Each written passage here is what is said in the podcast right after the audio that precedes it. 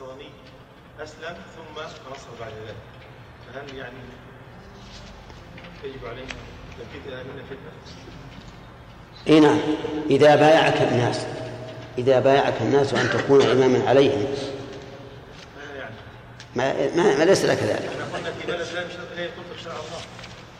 شيخ.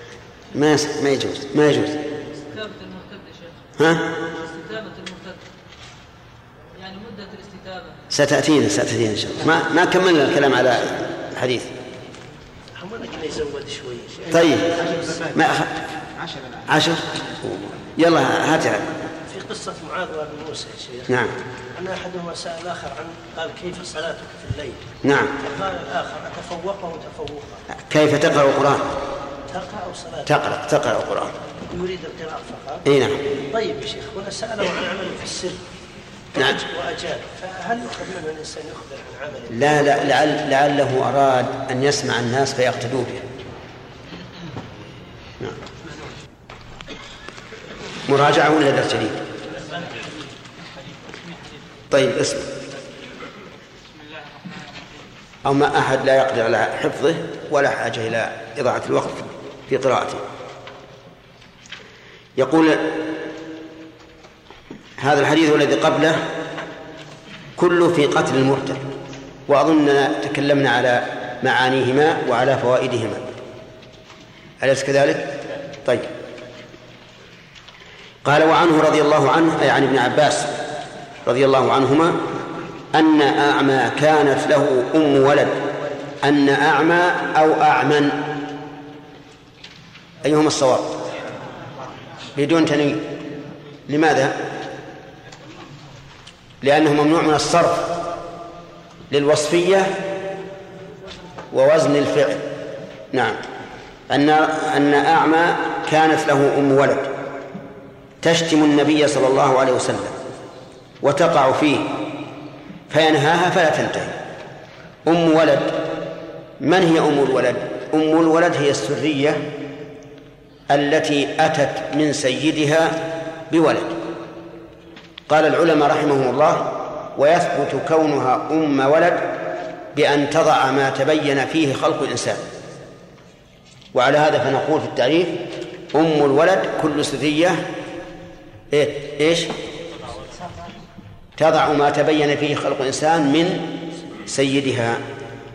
وحكم أم الولد أنها تعتق بعد موت سيدها ولو لم يملك إلا هي فإنها تعتق. ولا تعتق في حياته. ولكن هل يجوز بيعها أو لا؟ كانت أمهات الأولاد تباع على عهد النبي صلى الله عليه وسلم وعهد أبي بكر وأول خلافة عمر. ثم إن الناس تجرؤوا على بيع أمهات الأولاد والتفريق بينهن وبين أولادهن فمنع عمر رضي الله عنه من بيعهن. ولا شك أنه إذا كان معها ولد لا تباع. لئلا يفرق بينها وبين ولدها. لكن إذا قدر أنها وضعت الولد ومات فهل يجوز بيعها؟ نقول من العلماء من أخذ بسنة عمر على سبيل الإطلاق وقال لا يجوز بيعها.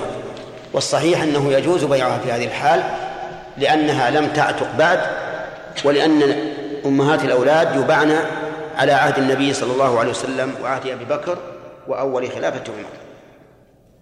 يقول كانت تشتم النبي صلى الله عليه وسلم وتقع فيه. تشتمه يعني تذكره بالعيب وتقع فيه بالسب والتقبيح. والله أعلم هل كانت كافرة من الأصل أو كانت مسلمة ثم ارتدت. فينهاها فلا تنتهي. فلما كان ذات ليلة أخذ المعول. والمعول حديدة تنقر بها الجبال لاستخراج الحصى منها. أخذ المعول فجعله في بطنها واتكأ عليها فقتلها. رضي الله عنه. غيرة لله ورسوله. حيث كانت تشتم الرسول وتقع فيه وينهى ولا تنتهي فهذا جزاؤها. يعني أن دمها صار هدرا. فبلغ ذلك النبي صلى الله عليه وعلى آله وسلم فقال ألا اشهدوا فإن دمها هدر رواه أبو داود ورواته ثقات. الأشهد ألا هذه أداة تنبيه وتسمى أداة استفتاح وهي للتنبيه بلا شك. اشهدوا استشهدهم النبي عليه الصلاة والسلام على أن دمهم دمها هدر ومعنى هدر أي لا قيمة له وذلك لأنها سبت النبي صلى الله عليه وسلم وشتمته. وسب النبي صلى الله عليه وسلم وشتمه لا شك أنه كفر ورد عن الإسلام. كما أن سب الرب عز وجل كفر ورد عن الإسلام. كما أن سب القرآن والاستهانة به وطلب تناقضه واختلافه ومخالفته للواقع يعني طلب القدح في القرآن بأي وسيلة؟ كفر. قل أب الله وآياته ورسوله كنتم تستهزئون لا تعتذروا قد كفرتم بعد إيمانكم.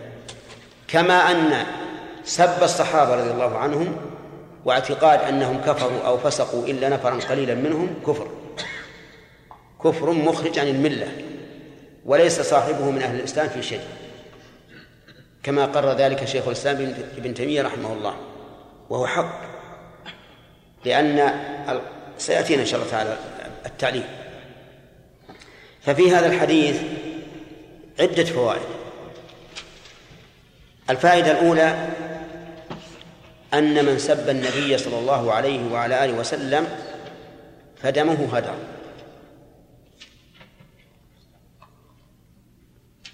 وظاهر هذا الحديث أنه لا يستتاب. أنه لا يستتاب.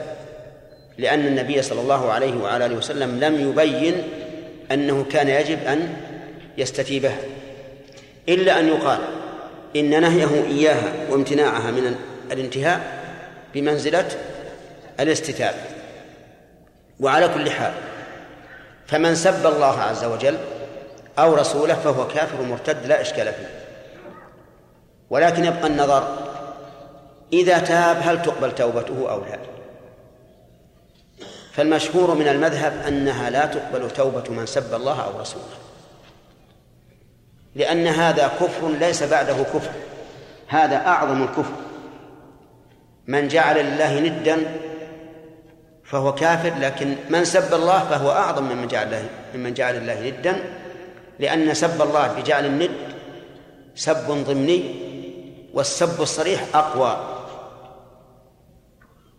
في الاستهانة. وعلى هذا فمن سب الله أو رسوله حتى لو قال إنه تاب فإنه لا يقبل منه ذلك. هذا هو المشهور من المذهب وعللوا هذا بعظم كفره. وكذلك من سب القرآن فإنه لا يقبل لا تقبل توبته. لأن سب القرآن سب لمن؟ لله عز وجل. فمن سب القرآن فإنها لا تقبل توبته لعظم كفره. وقيل تقبل التوبة ممن سب الله ورسوله.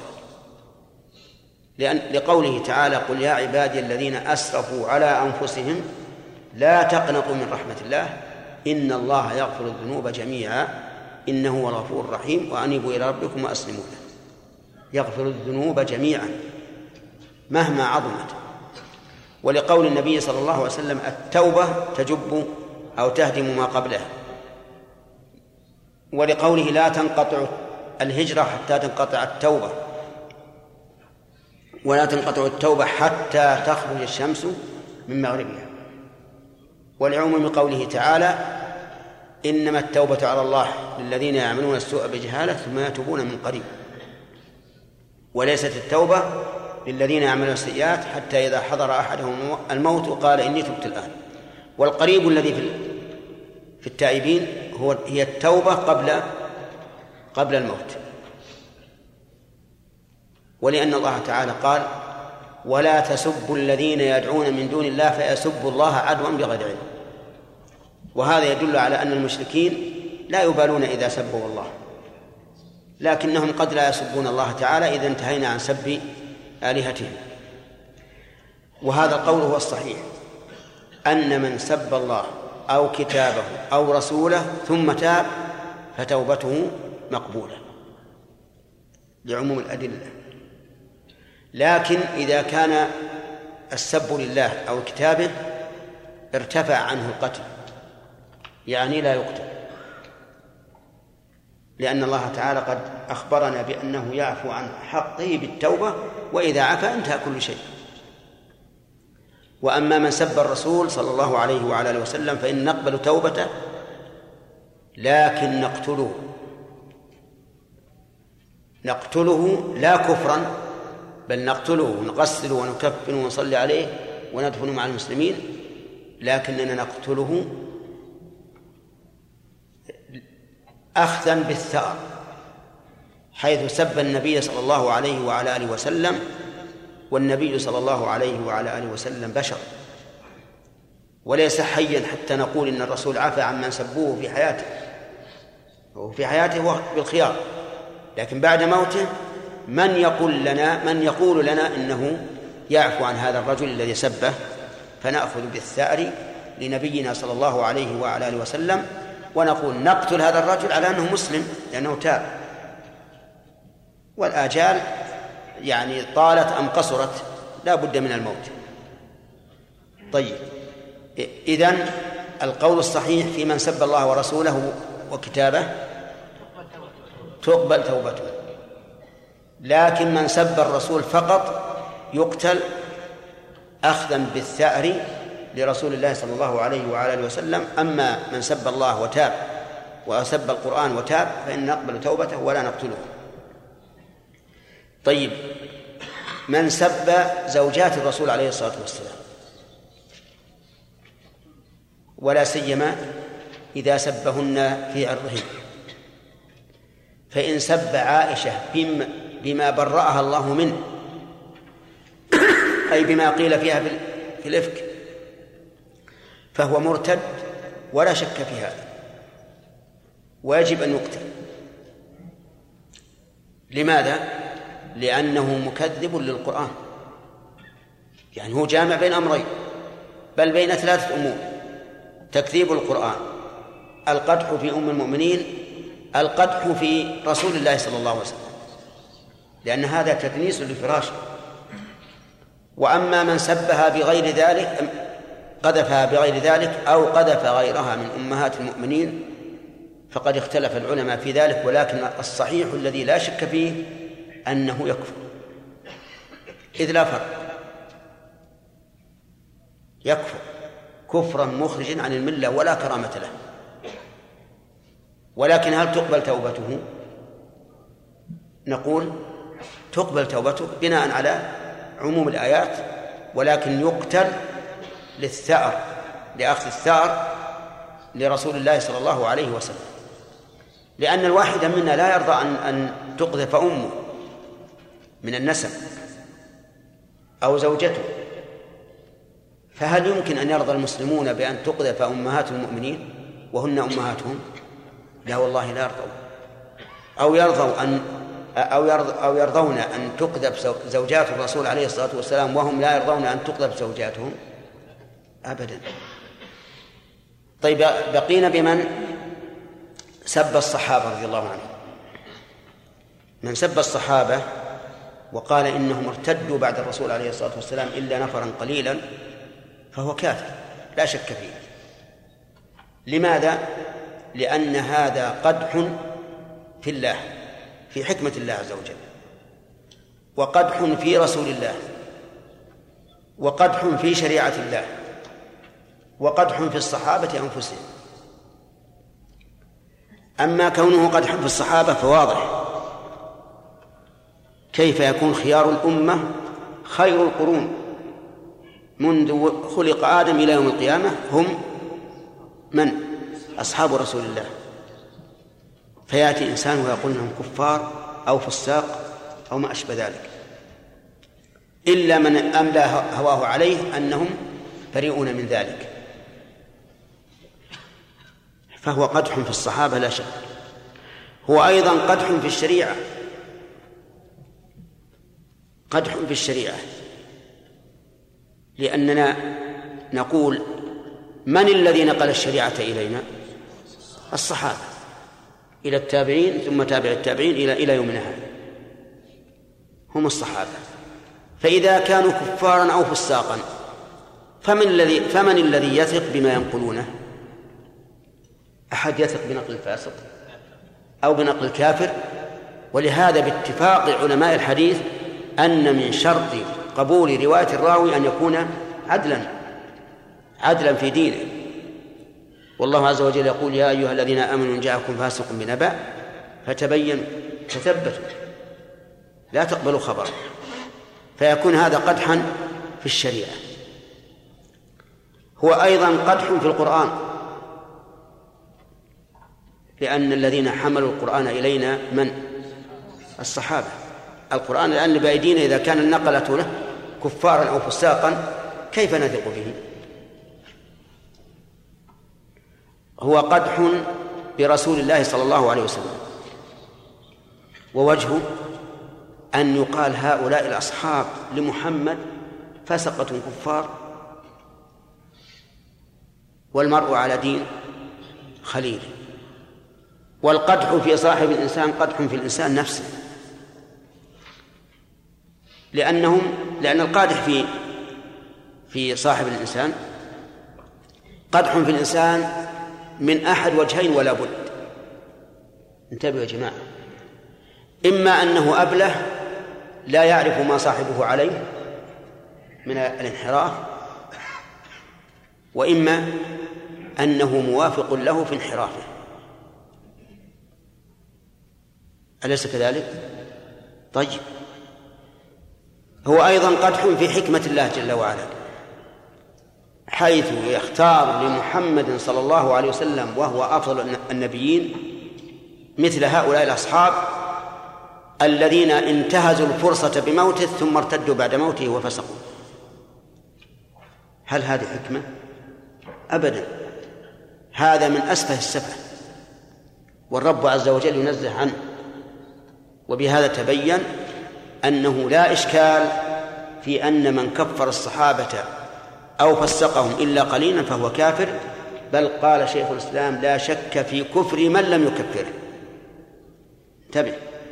لا شك في كفر من لم يكفره لأنه يترتب عليه هذه المفاسد التي سمعتموها. طيب. إذن الخلاصة أن هناك أشياء لا تقبل فيها التوبة على المشهور من المذهب وهي من سب الله إيش؟ أو رسوله أو القرآن أو الصحابة أو زوجات الرسول عليه الصلاة والسلام لأن كل هذا ينافي الدين. ينافي الدين. طيب هناك أشياء أيضا قال الفقهاء إنه لا إنها لا تقبل توبة من ارتد بها. وهي توبة الزنديق والزنديق عند الفقهاء هو المنافق الذي يظهر الإسلام ويبطن الكفر. قالوا هذا لا تقبل توبته قلنا لما؟ قال لأن الرجل يظهر أنه مسلم من الأصل إذا أمسكناه قلنا تعال. قال أشهد أن لا إله إلا الله وأن محمد رسول الله. ومتى متى يؤذن الظهر؟ أصلي الظهر. والعصر والمغرب والعشاء والفجر. ويظهر إيش؟ الإسلام. قالوا هذا لا لا نقبل توبته. إذا علمنا أنه منافق لا نقبل توبته لأنه لم يظهر لنا إلا إيش؟ إلا الإسلام. ولا نقبل منه. هذه هذا هو التعليل. لكنه تعليل في مقابلة النص. فإن الله تعالى صرح في القرآن بقبول توبة المنافق. لكنه سبحانه وتعالى وضع قيودا وشروطا. فقال إن المنافقين في الدرك الأسفل من النار ولن تجد لهم نصيرا. بعدها؟ إلا الذين تابوا وأصلحوا واعتصموا بالله وأخلصوا دينهم بالله. أربعة قيود. فأولئك مع المؤمنين. ولهذا نتحرز بقوة في قبول توبة المنافق. ما نقبل على طول بل نمهله ونسبر حاله وننظر. وهذا هو الصحيح لدلالة القرآن عليه. وقد أشار إليه السفارين في عقيدته فقال قلت وإن دلت دلائل الهدى كما جرى للعيلبوني اهتدى. إذا دلت القرائن على أن هذا الزنديق هذا المنافق حقيقة آه، مسلم حقيقة فإننا نقبل منه. الخامس هذا الخامس ولا السادس؟ السادس. السابع من تكررت ردته. من تكررت ردته يعني ارتد ثم أمسكناه فرجع للإسلام. فأطلقناه. ثم ارتد ثانية فأمسكناه فأسلم. فأطلقناه. ثم ارتد ثالثة. فهنا تكررت ردته. قالوا هذا لا تقبل توبته. لأنه متلاعب. متلاعب. كيف بالأمس يقول كفر ثم يقول أسلم ثم كفر ثم أسلم فلا نقبل توبته. واستدلوا بقوله تعالى إن الذين آمنوا ثم كفروا ثم آمنوا ثم كفروا ثم ازدادوا كفرا لم يكن الله ليغفر لهم ولا ليهديهم سبيلا. نعم؟ أعرفتم؟ الذي تتكرر ردته لا يقبل لا تقبل توبته. قالوا لأنه متلاعب. وللآية. ولكننا نقول أما الآية فلا دليل فيها. لأن نهاية من تكررت ردته فيها أن ازداد كفرا. ولم يتب وينتهي. ازداد كفرا وهذا يقال في حقه إنه يبعد أن يهتدي للإسلام. بل لا يمكن أن يهتدي للإسلام لأن الله قال لم يكن الله ليغفر لهم وهذا يعني أنه لا يمكن أن يتوبوا بعد هذا التكرار والزيادة الكفر. لكن إذا علمنا أن الرجل أخلص حقيقته وتاب وقال أنا أخطأت فلماذا لا نقبل التوبة؟ وأما كونه متلاعبا فإن كل مرتد متلاعب مستهتر غير مبال بما يجب لله من الحق. وعلى هذا فنقول إن القول الصحيح أن جميع من ارتد بأي نوع من الردة إذا تاب فإن توبته تقبل للآيات التي سمعتم والأحاديث التي سمعتم إلا أن من الناس من نحتاط ونتحرز في توبته مثل المنافق. طيب فإن قال قائل إذا كان صاحب بدعة مكفرة وتاب فهل لا نقتله دفعا للفساد في الأرض؟ لأن أهل البدع مفسدون في الأرض. فالجواب أن نقول لا؟ لأن الرجل تاب. وإذا تاب زال زال فساده. لكن نطالبه بأن يكتب ردا على بدعته التي كان يدعو إليها من قبل ونلزمه بذلك. حتى لا يغتر أحد بما كان عليه أولا.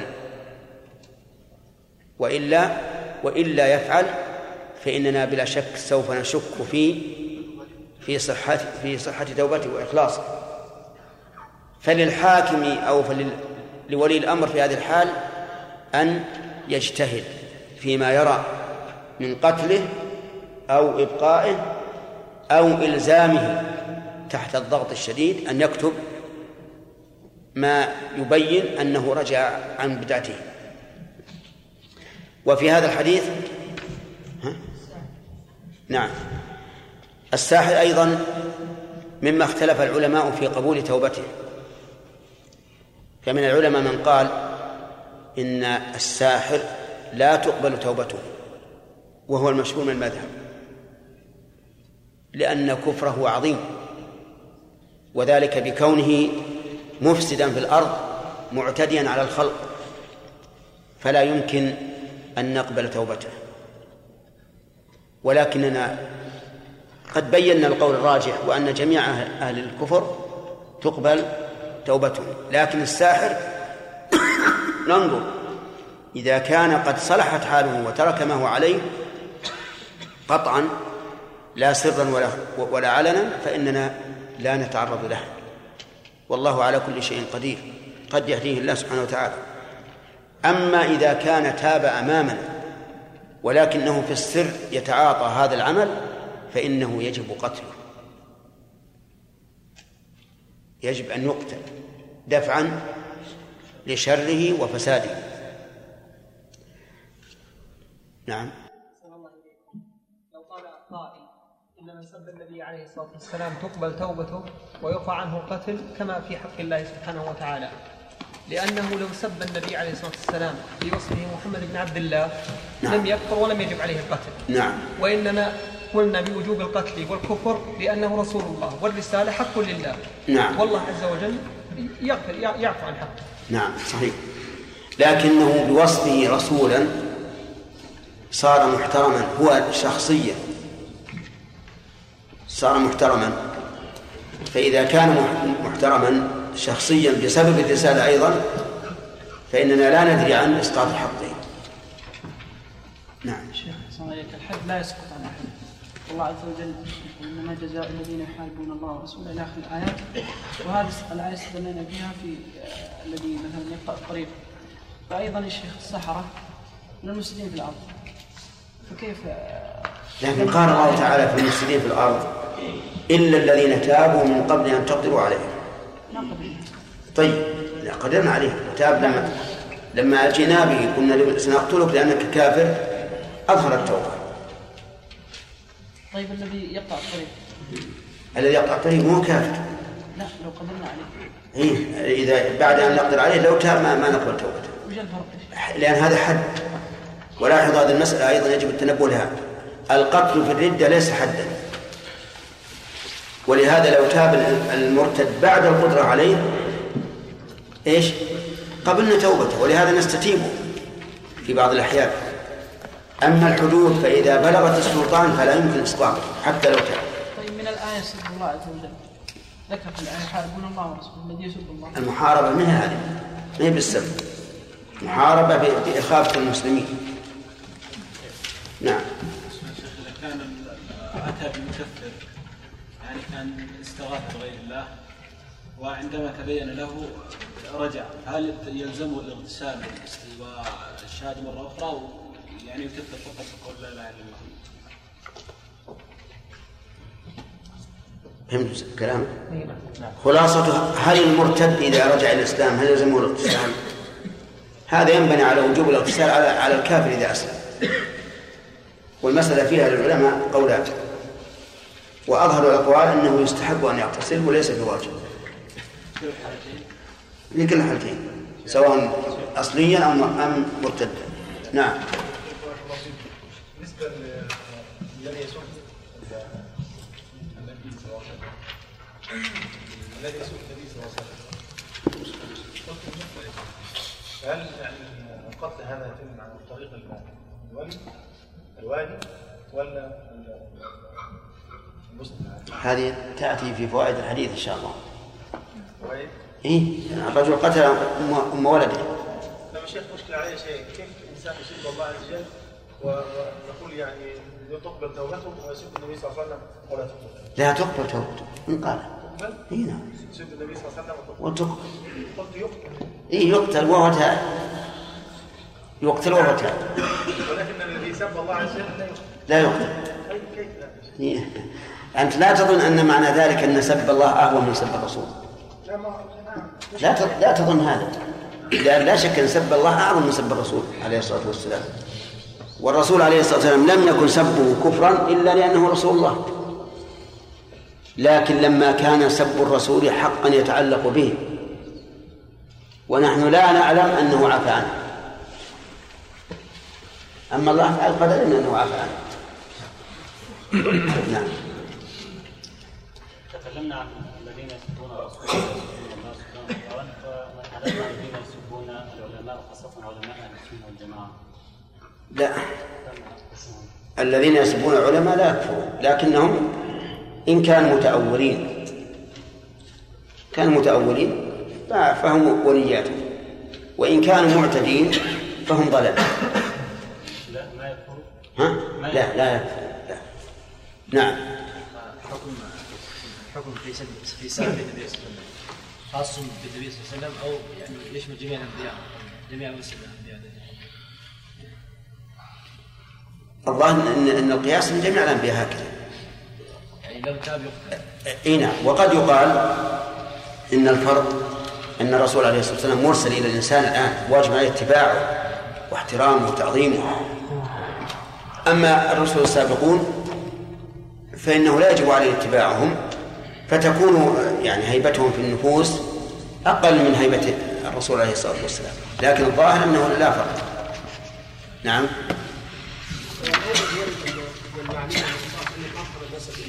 إيش؟ لو أورد مورد نعم. قال أورد أورد مورد مورد ان الرسول صلى الله عليه وسلم ارحم الناس بامته نعم. فعلى هذا إنه لو تاب كان سب الرسول صلى الله عليه وسلم يقول أنه لا يقتل ماذا نرد عليه؟ نرد عليه بأننا لا نعلم أنه إن سمح عن هذا. لا ما نعلم. قد لا يسمح لسبب من الأسباب.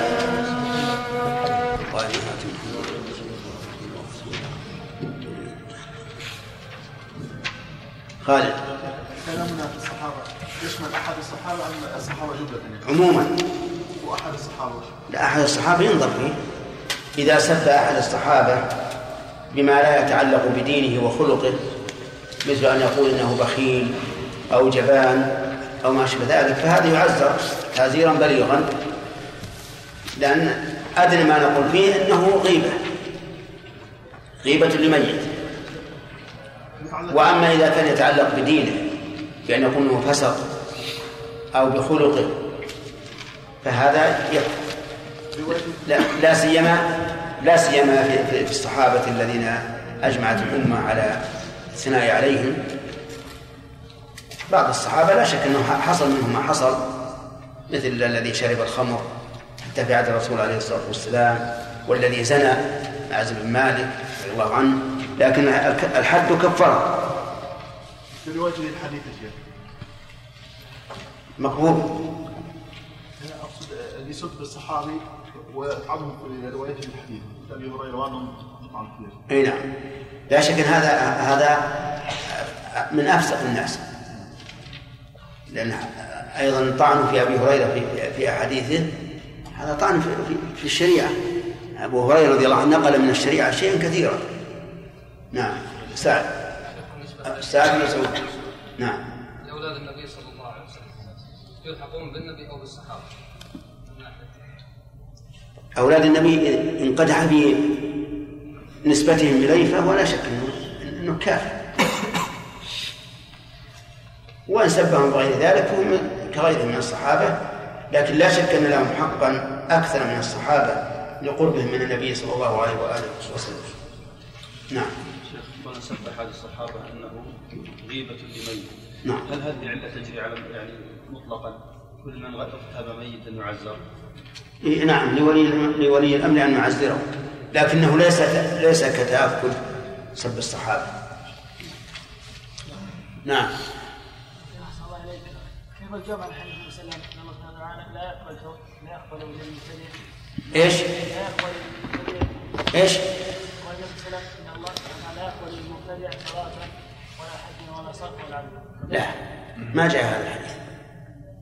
كذلك حديث لا ما هو صحيح. سب الدين أو سب القرآن. هل يجب عليه تجديد العقد عقد النكاح مثلا؟ لا. إذا ارتد الإنسان ومعه زوجته فإنه لا ينفسخ النكاح. بل يمهل حتى تنقضي العدة لأنه يفرق بينه وبين المرأة وتعتد فإن عاد إلى الإسلام قبل تمام العدة فهي زوجته. اسمع.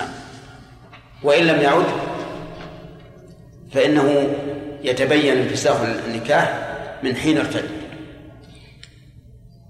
نعم. ما ما أجيبك عن هذا السؤال. لا جاهل. هذا سؤال جاهل وأنت جاهل. حينما ذكرنا شروط التكفير ما تكفيكم شروط التكفير السابقة؟ شروط التكفير السابقة معناها أنها أسس تبنون عليها. شيخ ما يدري أنه يكفر بهذا القول يا شيخ. ها يستاهل نعم. الحج يا شيخ إعادة الحج. كيف؟ من حج ثم ارتد. لا لا إذا حج ثم ارتد ثم رجع للإسلام فحجه صحيح. لأن الله شرط لبطلان الأعمال أن يموت على الردة فقال ومن يرتد منكم عن دينه فيمت وهو كافر فأولئك حبطت أعماله في الدنيا والآخرة. فاشترط الله فاشترط الله سبحانه وتعالى أن يموت على الكفر. نعم. بغض الصحابة يا شيخ. نعم. الأنصار قال النبي عليه لا يبغضهم إلا منافق. وإذا كان الأنصار لا يبغضهم إلا منافق فالمهاجرين من باب أولى لأن المهاجرين أفضل أفضل من الأنصار. ولا أعتقد أحدا كامل الإيمان يبغض الصحابة أبدا.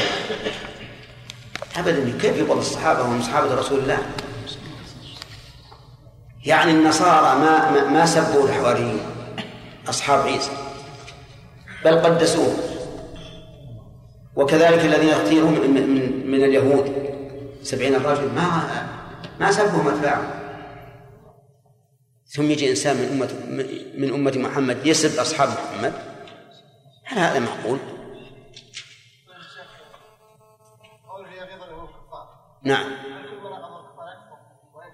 استنبط بعض العلماء هذا وقال كل من غاضه صحابة الرسول فهو كافر.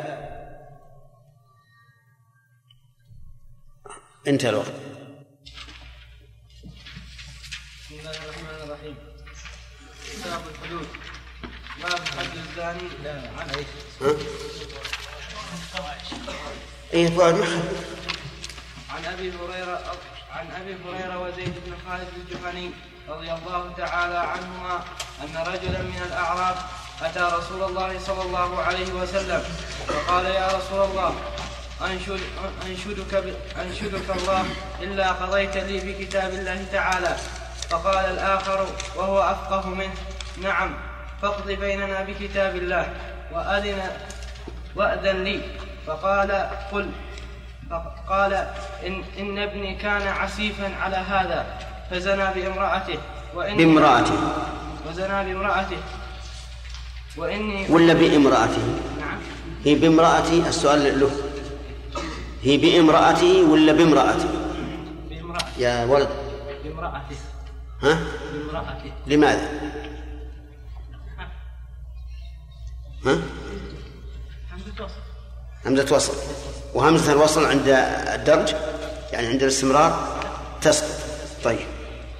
فزنى بامرأته وإني أخبرت أن على ابني الرجم فافتديت منه بمائة شاة ووليدة فسألت أهل العلم فأخبروني أن وأخبروني أن على ابني جلد جلد مئة وتغريب وتغريب عام وأن على امرأة هذا الرجل. فقال رسول الله صلى الله عليه وسلم والذي نفسي بيده لأقضين بينكما بكتاب الله الوليدة والغنم رد عليك وعلى ابنك جلد مئة وتغريب عام. واغد يا أنيس واغد يا أنيس إلى امرأة هذا فإن اعترفت فارجمها. متفق عليه. وهذا اللفظ لمسلم بسم الله الرحمن الرحيم. الحمد لله رب العالمين. وصلى الله وسلم على نبينا محمد وعلى آله وأصحابه أجمعين. هذا سؤال يقول سمعنا أنكم تقولون إن النبي صلى الله عليه وعلى آله وسلم اعتمر ثلاث عمرات. فهل ذلك صحيح؟ ولماذا؟ هذه أم. آه، نقول نعم الرسول عليه الصلاة والسلام اعتمر أربع عمر. ثلاث منفردات وواحدة مع حجه. العمرة الأولى عمرة الحديبية والثانية عمرة القضية والثالثة عمرة الجعرانة والرابعة مع حجه لأنه حج قارنا وكل هذه العمر كلها في ذي القعدة يعني في أشهر الحج. ولم يعتمر في رجب. وقد وهل عبد الله بن عمر رضي الله عنهما فقال إنه اعتمر في رجب ولكن عائشة بينت أنه متوهم. وهذا هو الحق. فإن الرسول عليه الصلاة والسلام كل عمره بعد هجرته كلها كانت في أشهر الحج.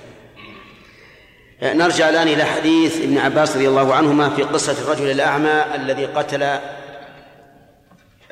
أمته. بل أم ولده. وأظن تكلمنا على شرح وبقي أو بعض الفوائد. ها؟ وهي أن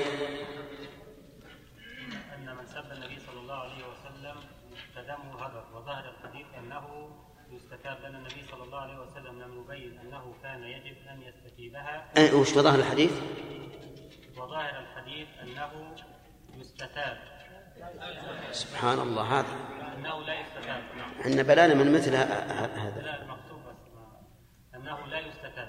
لأن النبي صلى الله عليه وسلم لم يبين أنه كان يجب أن يستتيبها إلا أنه يقال إن نهيه إياها وامتناعها. إلا أن يقال إلا أن يقال. إلا أن يقال. إن نهيه إياها وامتناعها عن الانتهاء بمنزلة الاستتابة طيب. من فوائد هذا الحديث أن سب النبي صلى الله عليه وسلم كان معلوما عند جميع الناس أنه مبيح للدم.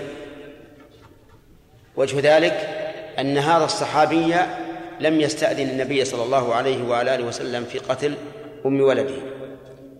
ومن فوائده جواز إقامة السيد الحد على رقيقه أو من كان في حكم الرقيق لأن هذا الرجل قتلها والقتل نوع من الحد وإن كان ليس حدا القتل على الردة ليس حدا في الواقع لأن الحد لا يمكن إسقاطه وما وال- والقتل الواجب بالردة يمكن إسقاطه بالتوبة ولو بعد القدرة عليه. ومن فوائد هذا الحديث أن من أبيح قتله جاز قتله على أي صفة كان. يعني بمعنى أنه لا يكون القتل ذبحا لأن هذا الرجل طعنها في بطنها ولكن لا يجوز أن يقتل على- سبيل التمثيل به أو على سبيل على سبيل يتألم به أكثر. لقول النبي صلى الله عليه وعلى آله وسلم إذا قتلتم فأحسنوا القتلة ومن فوائد هذا الحديث جواز الإشهاد على على الأحكام. لأن النبي صلى الله عليه وعلى آله وسلم قال ألا اشهدوا فإن دمها هدر. مع أنه عليه الصلاة والسلام لا يحتاج إلى إشهاد لكن هذا من باب تأكيد الحكم أن دمها أن دمها هدر. ثم انتهى باب قتل الجاني قتال الجاني وقتل المرتد فذكر المؤلف كتاب الحدود. وفي فصله كتاب الحدو- الحدود عن قتل المرتد دليل على أن قتل المرتد ليس من الحدود. وما يكتبه بعض الكتاب المعاصرين فيذكر أن قتل المرتد من الحدود فإن هذا وهم منه وليس من الحدود في شيء. لأن الحدود إذا وصلت السلطان وجبت إقامته على كل حال. أما المرتد فإذا وصل إلى السلطان واستتابه وتاب وجب وجب رفع القتل عنه. قال المؤلف رحمه الله كتاب الحدود. الحدود جمع حد وهو في اللغة الشيء الفاصل بين شيئين. وسمي حدا لأنه يمنع امتزاج كل واحد بالآخر ومنه حدود الأرض وهي المراسيم التي تجعل بين أرض زيد وعمرو أما في الشرع فله إطلاقات منها المناهي ومنها الواجبات. يعني أن المناهي تسمى حدودا والواجبات تسمى حدودا. فما نهي عن تجاوزه فهو أوامر. وما نهي عن الدخول فيه فهو نواهي. يعني إذا قيل تلك حدود الله فلا تقربوها فهذه نواهي. وإذا قيل تلك حدود الله فلا تعتدوها فهذه أوامر. لماذا؟ لأن الواجبات يكون الإنسان داخلها في ضمنها فلا يجوز أن يتعداها. والنواهي الأصل أن يكون خارجا منها فلا يقربها. ولذلك نقول إذا كانت الآية تلك حدود الله فلا تعتدوها فاعلم أنها أوامر. وإذا قيل وإذا كانت الآية تلك حدود الله فلا تقربوها فهي نواهي. مثال ذلك قوله تبارك وتعالى في آية الطلاق لما ذكر ما يجب على المطلق وعلى المطلقة.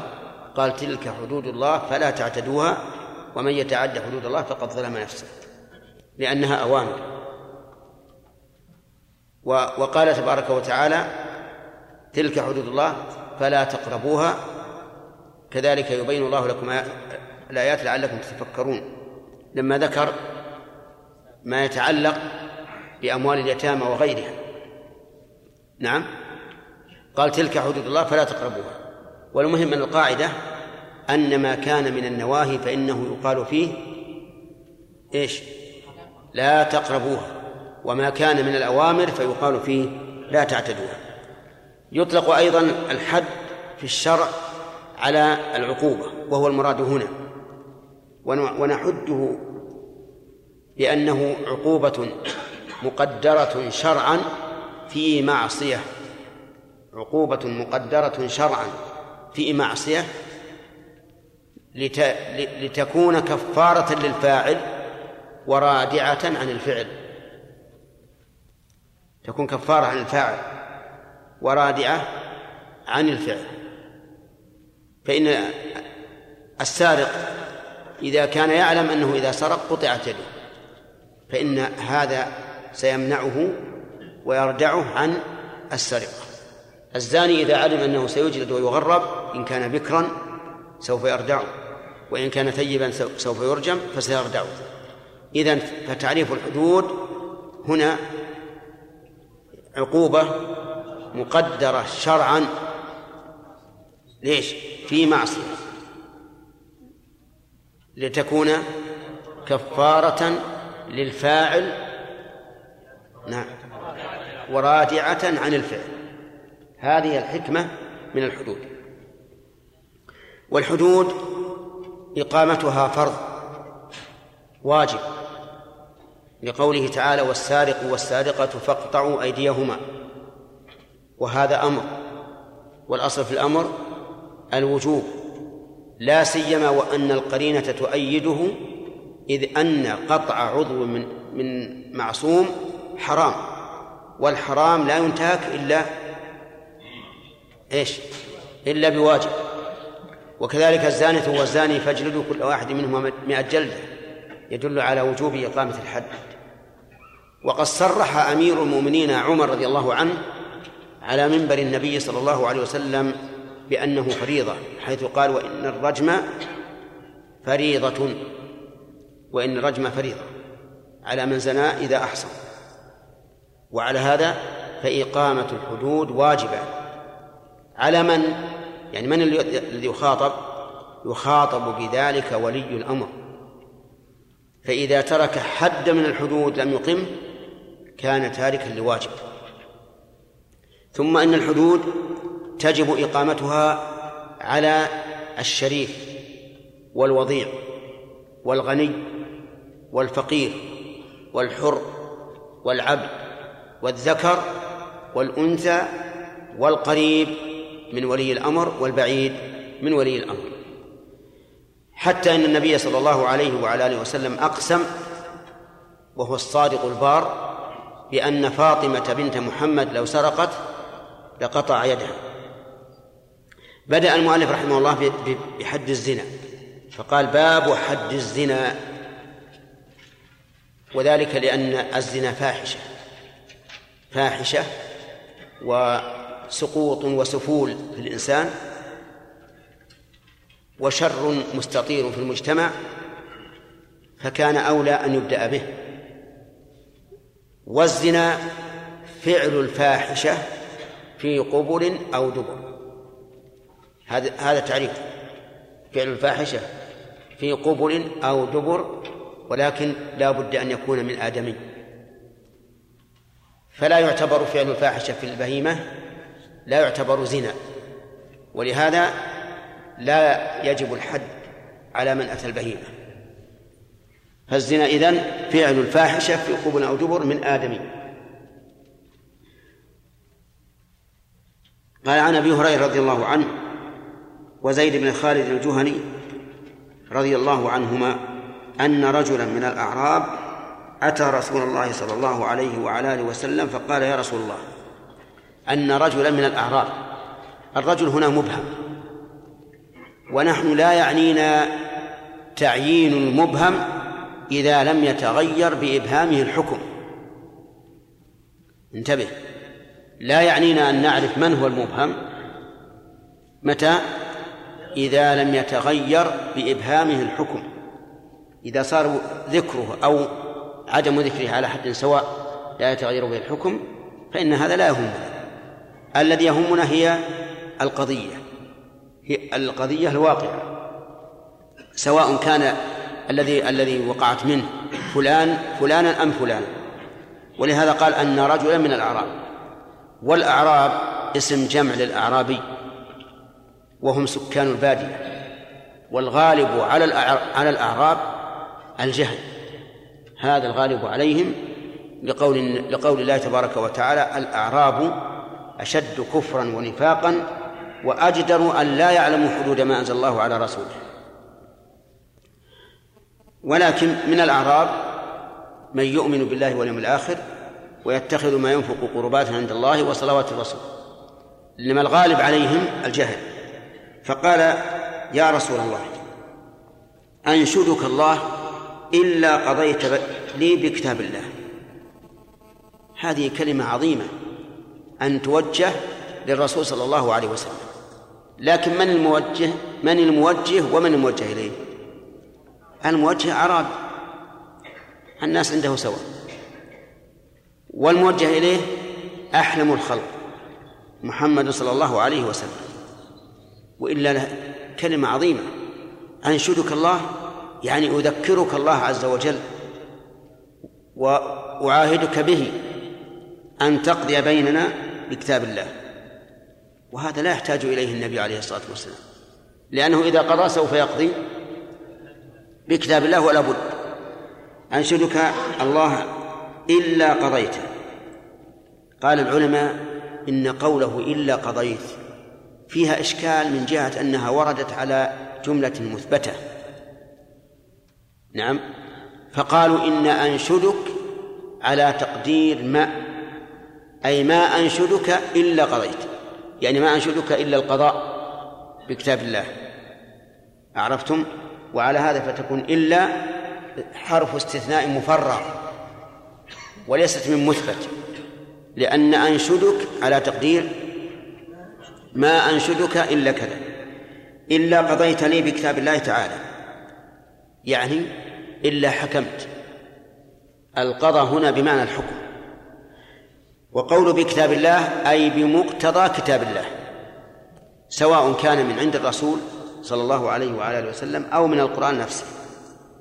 فقال الآخر خصمه وهو أفقه منه. نعم فاقض بيننا بكتاب الله. قول قال الآخر وهو أفقه جملة وهو أفقه جملة معترضة. تبين حال الرجل الثاني وهو أنه أفقه من الأول. ولكن من أين علم الراوي أنه أفقه؟ يحتمل أنه علم أنه أفقه بأنه لم يقل كما قال الأعرابي أنشدك الله. أو أنه يعلم من حاله أنه أفقه لكونه مدنيا وحاضرا من أهل الإقامة والمدينة والغالب أن هؤلاء أفقه من من الإعراب من الأعراب. المهم أنه قد تبين له أي للراوي أنه أفقه من الأول.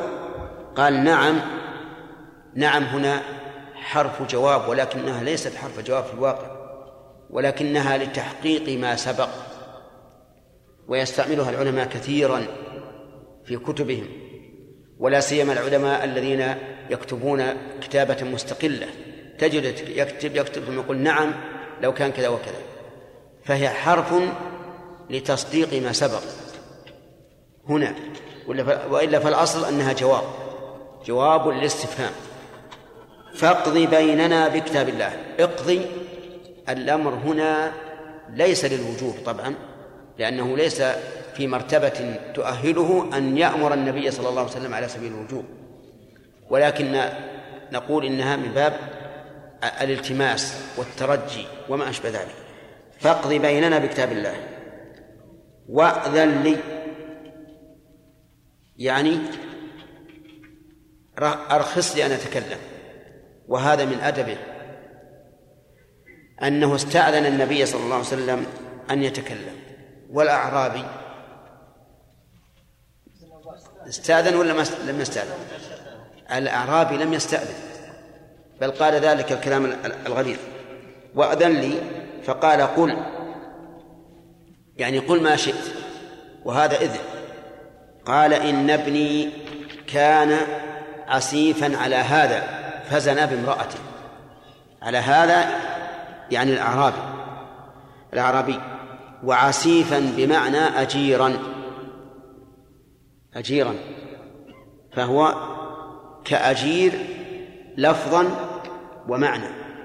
وإن شئت كأجير قل كأجير وزنا ومعنى هو ك... فمعنى عسيفا أي أجيرا عليه. يعني قد استأجره لرعي إبله أو غنمه أو ما أشبه ذلك. فزنى بامرأته. الزاني من؟ العسيف. و... ويظهر أن هذا شاب. وإني أخبرت أن على ابني وإني أخبرت أن على ابني الرجم فافتديت منه بمائة شاة ووليدة. أخبرت أخبره بلا شك رجل جاهل. جاهل مركب أو جاهل بسيط كيف؟ مركب؟ ليش؟ لأنه أخبره بما ليس هو الحق فهو جاهل مركب. ويقول العلماء الجاهل المركب هو الذي لا يعلم ولا يدري أنه لا يعلم. ولهذا ركب جهله من من كونه لا يعلم الواقع ولا يعلم بحاله أنه لا يعلم فهو في الحقيقة مركب من جهلين. والبسيط هو الذي لا يعلم. ويعلم أنه لا يعلم. مثال ذلك ثلاثة رجال. سألنا أحدهم فقلنا له متى كانت غزوة الخندق؟ قال كانت غزوة الخندق في رمضان في السنة الثامنة من الهجرة. إيش هذا؟ هذا جاهل مركب؟ ليش؟ لأن غزوة الخندق في شوال في السنة الخامسة. وهذا قال في رمضان السنة الثامنة وسألنا الآخر فقال لا أدري. هذا جاهل بسيط. وسألنا الثالث فقال في شوال سنة خمس من الهجرة. هذا عالم. فالذي فالذين أخبروا بأن على ابنه الرجم هؤلاء جهال. جهلا مركبا. نعم. طيب. فافتديت منه افتديت منه يعني أعطيت فداء عن ابني الرجم يعني يقتل بمئة شاة ووليدة مئة شاة معروفة وهي الواحد من الضأن أو أعم من ذلك أو الأنثى من الضأن المهم أنها واحدة من الغنم ووليدة من من الوليدة؟ يعني أمه. فسألت أهل العلم فأخبروني أن على ابني جلد مئة وتغريب عام. أهل العلم أخبروه بالحق أنه لا يجب الرجم على ابنه وإنما عليه جلد مئة وتغريب عام وأن على امرأة هذا الرجل كان بالأول الأعرابي أتاه مئة شاة وليدة وامرأته سالم. من من فتوى الجهلة لكن الآن صار الرجم على امرأته امرأة الأعرابي وهذا ليس عليه إلا جلد مئة وتغريب عام. جلد مئة بماذا؟ قال العلماء يجلد بصوت. لا جديد ولا خلق. يقولون أيها الإخوة الجديد في ختام هذه المادة نسأل الله أن نلقاكم في لقاءات متجددة.